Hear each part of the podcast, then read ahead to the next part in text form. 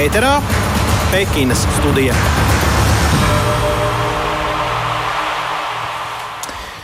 Labrīt, Latvijas radio pirmā kanāla klausītāji. Ēterā Pekinas studija, kā jau katru rītu šajā uh, laikā un uh, vietu un laiku mainīt nedrīkst. Uh, arī mēs ar Andreju Siliņu to nedarām un esam šeit studijā, kā jau katru rītu. Sveiks, Andrej! Labrīt!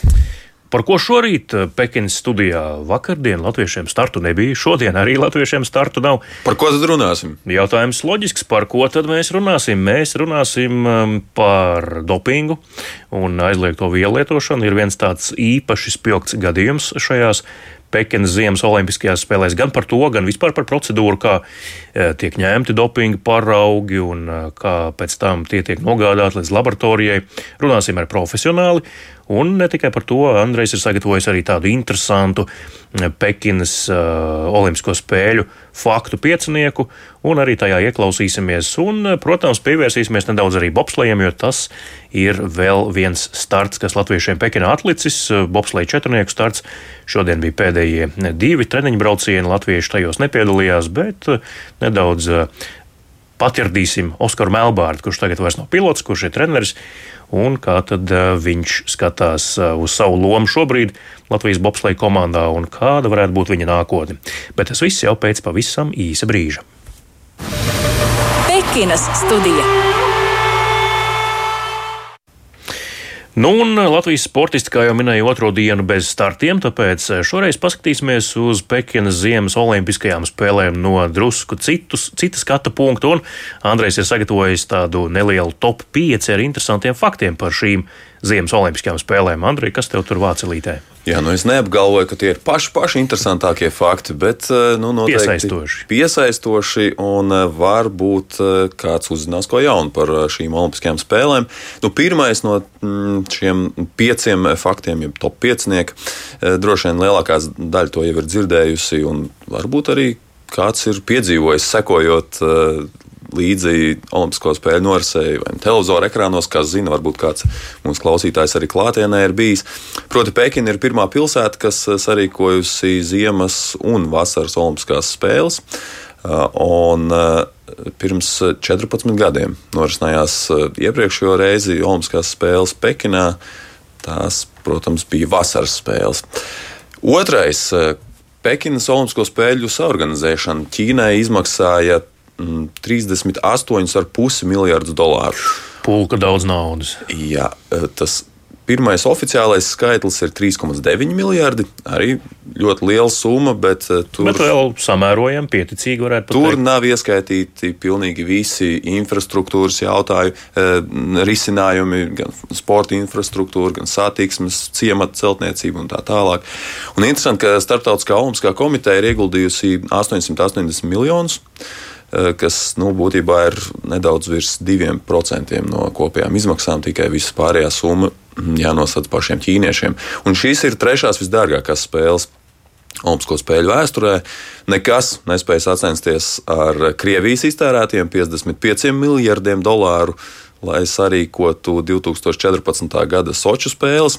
Eh, kas interesanti, tad ziemas spēles eh, tiešām izcēlušās ar tādiem milzīgiem tēriņiem, lai gan tā vidēji skatoties un kopumā skatoties, vasaras spēles izmaksā tomēr sarīkot eh, dārgāk, jo nu, dažādu iemeslu dēļ vairāk, veidu, vairāk sportistu, vairāk sportistu jā. kas jāuzņem un, un tieši tā. Bet otrs dārgākās spēles, tātad, tātad Krievijas eh, spēles Sočos ir pašas dārgākās ar 55 miljardiem. Šīs ir trešās dārgākās spēles. Kuras, Mārtiņ, kā tev šķiet, ir otrās dārgākās spēles? Hmm. Es uh, liktu arī uz kādām ziemas spēlēm, varbūt Vankūvera.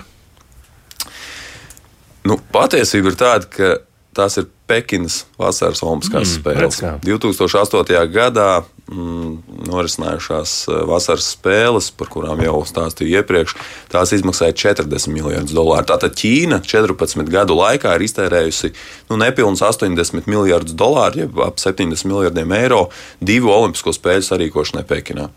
Nākamās dārgākās ir tālu, tālu aiz ķīniešu un krievu tēriņiem. Londonas vasaras spēles 12. gadā izmaksāja 14,6 miljardus. Tāda sīk, sīk naudiņa. Tāda sīk naudiņa salīdzinot. Ejam tālāk.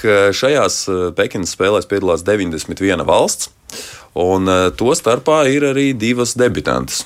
Vai tu zini, Mārtiņ, kuras tās ir?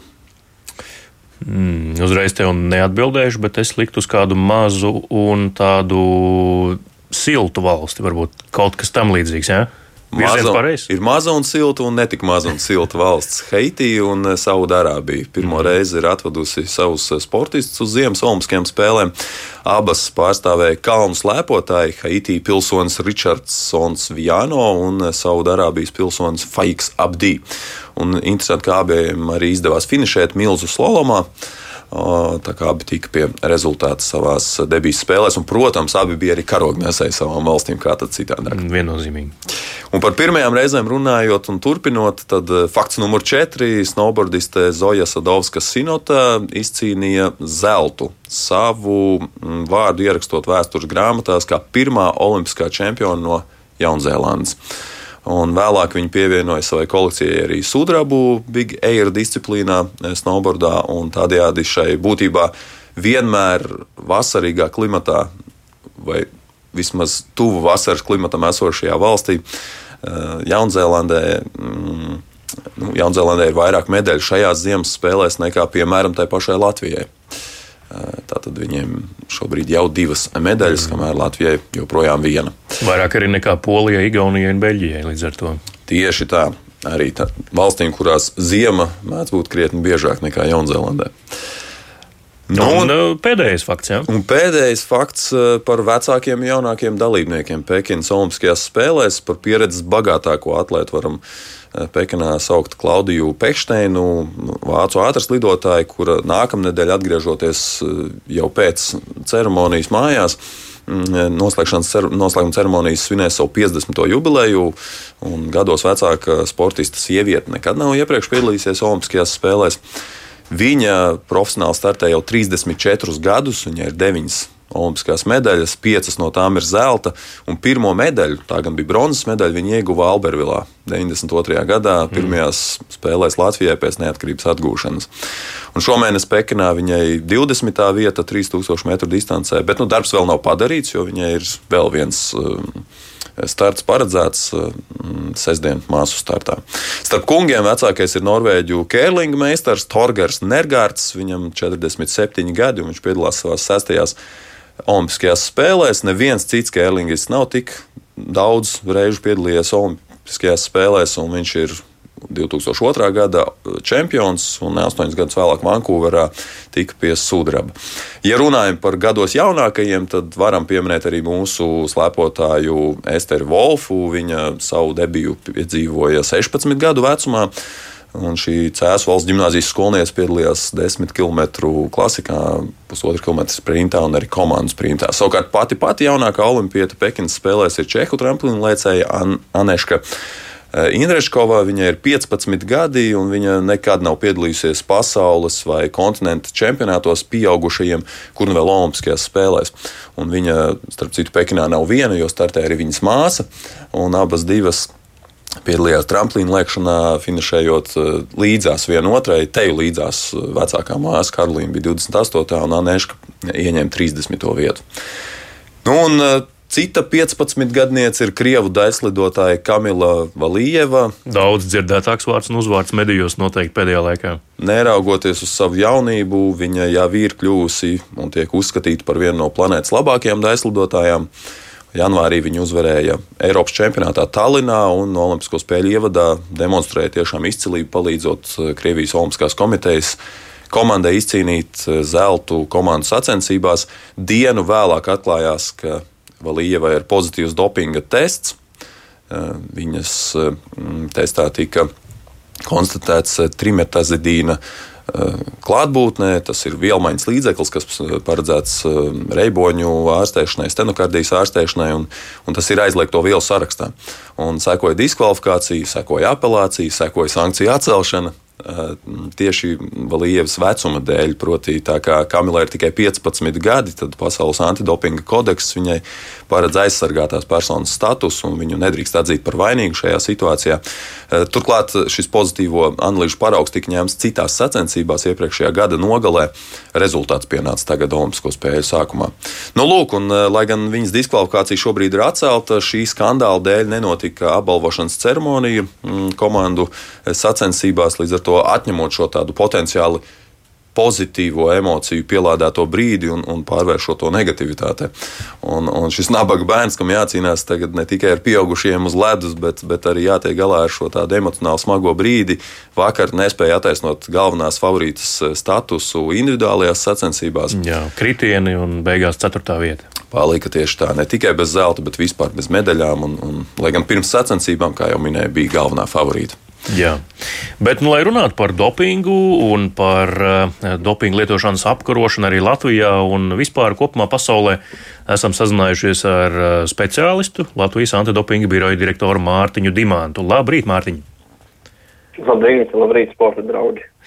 Jā, nu sāksim ar tādu varbūt vispārīgāku jautājumu. Īsos vārdos varbūt pastāstīja Latvijas radio klausītājiem, kā notiek dopinga parauga iegūšanas process tieši sacensību laikā pēc sportista starta, jo tas, kas tās ziņas, kas pienāk no Pekinas, cik vakar painteresējāmies pie Latvijas delegācijas vadības, tad ļoti toleranti, mm, izprotoši un ļoti tādi uh, iejūtīgi ir dopinga kontrolieri Pekinā. Pagaida līdz sportistam tik tiešām beidzas treniņš, starts, viņš ir aizvadījis preses konferenci, pārģērbies un tad ir gatavs nodot to dopingu paraugu, tad arī viņi viņu laipni sagaida un to pieņem. Kāds ir šis process sacensību laikā? Tieši tāds tas, tā tas arī notiek, un ļoti labi to raksturoja. Un tas, tas, kā to raksturo starptautiskās um, olimpiskās komitejas organizētās dopinga kontrolas sadarbībā ar starptautisko testēšanas aģentūru, uh, Tad eh, par starptautisko testēšanas aģentūru tā arī var teikt, ka viņi ļoti lielu, lielu tiešām uzsvaru liek uz šo te cilvēcīgo faktoru, mēs nenostādām eh, sportistu un kontrolieru kā kaut kādas divas radikāli pretējas puses, tur viens ir sargs un otrs ir, ir ieslodzītais, ja tā varētu tālaini apzīmēt, bet uh, ka mēs visi esam šajās te horizontālajās attiecībās, un to mēs arī ļoti labi Latvijā esam mācījušies no starptautiskās testēšanas aģentūras, Un, un tās lietas, ko mēs arī uh, savās dopinga kontrolēs uh, ļoti lielu uzsvaru liekam, arī tīpaši sacensībās, jo tad, kad mēs braucam uz mājām, tur ir zināms, zināms faktors, kad uh, tomēr dopinga kontrolieris un, un, un sportists uh, mājās, viņi ir kaut kādā ziņā familiāri kļūst uh, laika gaitā, jo nu, kontrolieri ir tik, cik viņu ir. Uh, sportisti ir uh, daudz, daudz vairāk, un, un, un tad šīs attiecības ir, ir tādas um, uz tādas pazīšanās, ja mēs varētu teikt, un tādas uh, sapratnes, bet citādāk tas ir sacensībās, kur bieži kontrolierim nākās sastapties ar kādu, ko viņš nekad nav sastapis, un varbūt arī sportistam tā ir pirmā pieredze, un tas, uz ko īt arī ļoti lielu uzsvaru liek, kad mums ir jārada šī drošības sajūta sportistam, kad viņš tiek testēts, un bez tam uh, nav obligāti jāierodās uz dopingu kontroli nekavējoties tikai tāpēc, ka kontrolieris ir uh, pasaules. Tieši tā sportistam ir tiesības piedalīties gan ceremonijā, gan preses konferencē, piedalīties nākamajās sacensībās, atsildīties. Gan īpaši nepagarīgām personām arī pieaicināt savu pilngadīgo pārstāvu, kurš būs kopā ar viņu šajā te dopinga kontrolas procedūrā. Tāpēc kontrolieris var doties arī pēc personu apliecinoša dokumenta, Nu, tas ir tāds uh, uzskaitījums un nav izsmeļošs, jo ir arī citi apstākļi, kurus, protams, saskaņojot ar dopingu kontrolieri, un ja tos dokumentē, tie varbūt attaisnojumi, lai neierastos uzreiz uz šo dopingu kontrolas staciju. Tā ka, nu, pamatā visam ir, ir cilvēciskā attieksme un tās drošības sajūtas nod, nodrošināšana un garantēšana, ka sportisti ir drošās rokās, eh, ka sportists saņems atbildes uz sev interesējošiem jautājumiem Nu, tas ir tas, manuprāt, kā antropinga sistēma pēdējo gadu laikā ir ļoti, ļoti augusi un kļuvusi, kļuvusi par tādu uh, saprotamāku lietu, jebkuram sportistam, ir tīpaši, ka viņš pirmo reizi sastopās ar šo procedūru. Mārtiņa, lielākajai daļai sportistu dalība Olimpiskajās spēlēs ir sapnis. Kā ir ar dopingu kontrolieriem, vai arī viņiem dalība Olimpiskajās spēlēs un strādāšana šādā sporta formā ir sapnis un karjeras lielākais mērķis? Es domāju, ka jā, es, es piekrītu, ka tas, ka tas tā varētu būt, jo, jo ļoti, ļoti bieži mēs redzam arī, ka eh, starptautisko citu, citu valstu antibiju organizāciju speciālisti, tieši dopinga kontrolieri dodas uz olimpiskajām spēlēm, un, un katru gadu uh, antibiju organizācijas arī saņem uzaicinājumus sūtīt savus, uh, savus dalībniekus, uh, savus kontrolierus uz uh, uz, uz, uz olimpiskajām spēlēm iziet īpašu atlases procedūru un, un, un attiecīgi tad arī piedalīties. Un vismaz Latvijā mūs raksturo mūsu kontrolieris, kontrolieris tas, ka lielākā daļa no viņiem arī ir ieguvuši starptautiskās testēšanas aģentūras certifikātus, par ko man ir liels lepnums. Un, un, un šī certifikāta esamība jau ir uh, kā viens solis tuvāk tam, lai mūsu eksperti no Latvijas varētu piedalīties arī šāda mēroga mēro pasākumos. Mm. Vienmēr tas lielais izaicinājums no antipinga organizāciju viedokļa, nu, kā, protams, finansiāli šo jautājumu atrisināt, jo tas nav bezmaksas pasākums un doties uz olimpiskajām spēlēm, tas ir saistīts ar to, ka ir jāsadz šīs te uh, ceļošanas uh, izdevumi, bet tajā pašā laikā es domāju, ka tie ir, tie ir izdevumi, kas attaisno, tie ir izdevumi, kas, kas noteikti ļauj nu, palielināt mūsu speciālistu Latvijā pieredzi un, un pēc tam vēl labāk, vēl labāk darboties ar šo pieredzi bāzi Latvijā, mm. Latvijas sportistiem. Īsumā, vienā vārdā, jā vai nē, nav taču bijis neviens Latvijas dopinga kontrolieris līdz šim Olimpiskajās spēlēs, vai ne? Uh, no dopinga kontrolieriem, kas ir manā komandā kopš 2016. gada, nē, bet uh, man ir nojausma, ka uh, mūsu priekšgājēji ir bijuši Olimpiskajās spēlēs un piedalījušies. Mm. Manuprāt, ka jā, tā ka Latvijas, Latvijas pārstāvi ir bijuši un, un pildījuši dopinga kontrolieru pienākumus, un, ja nemaldos, kad Sočo 2014. gadā slavenajos Sočos, kur dopings bija viens no, viens no atslēgas vārdiem, droši vien, vismaz pēc mhm. spēlēm. Tur, kur tie caurumi sienā bija.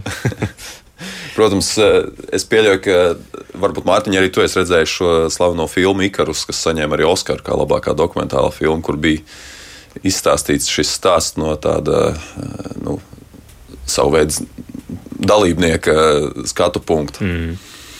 Jā, bet uh, mēs te jau, Andrej, tu daudz jau stāstīji par uh, Kamilu Valievu, dažus vārdus arī Mārtiņam jāpajautā par uh, to.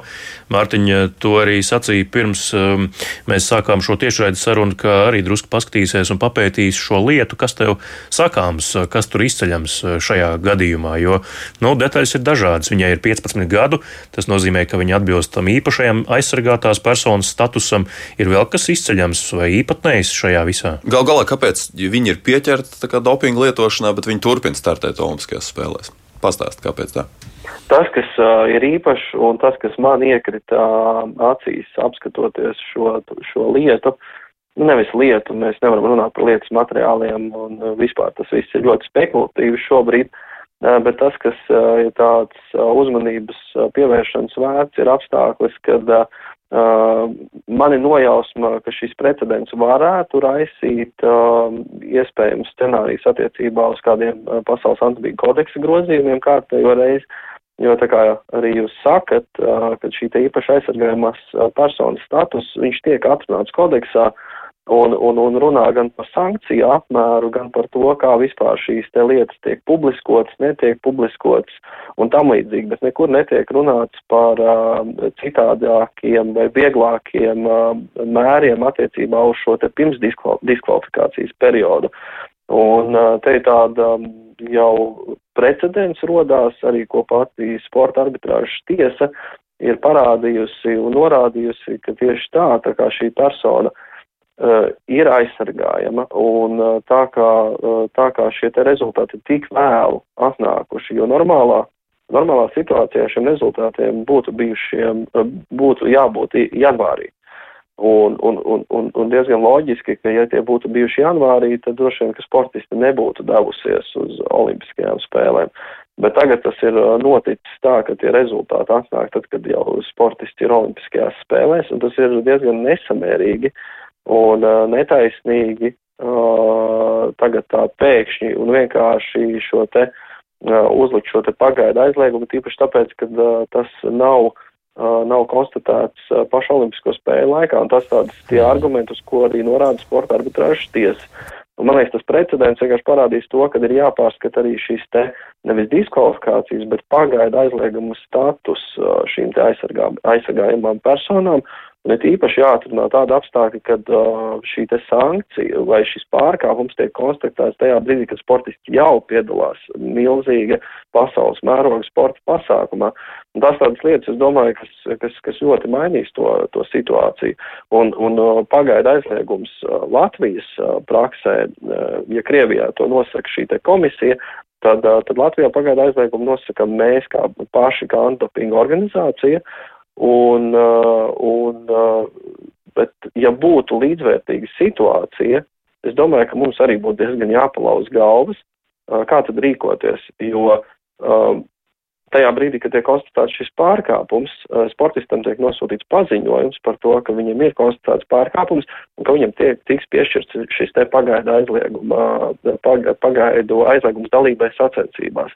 Un konkrētajā situācijā ar šo sportistu tas, tas laika posms ir ļoti mazs, lai vispār varētu nu, saprast cilvēks, kas notiek un tā tālāk. Mm. Tas, kas, tas, kas tomēr, protams, tajā visā apbēdina, kad netiek starptautiski ievērot šis te aizsargātās personas status un tiek ļoti plaši un, un mēdī ir pilni ar visiem šiem paziņojumiem, manuprāt, tas ir radījis psihoemocionāli tādu spriedzi sportistē mm. un arī parādījies pēc tam rezultātā. Jā, nu, to jau arī varēja redzēt. Nebūtu jā. tā jābūt, tā, šī, šai informācijai nebūtu.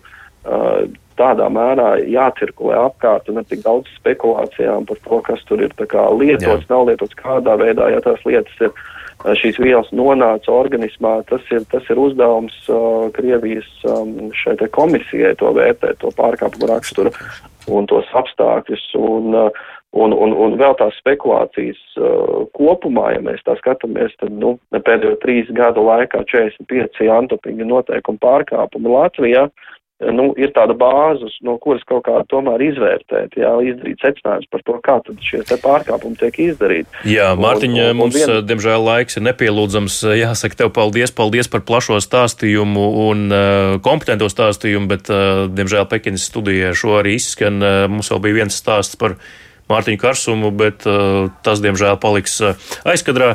Bet uh, mēs ar jums Pekinas studijā tiekamies jau rīt no rīta atkal šajā pašā laikā, šajā pašā vietā. Es, uh, Mārtiņš Kļavinieks un Andrejs Siliņš līdz rītam!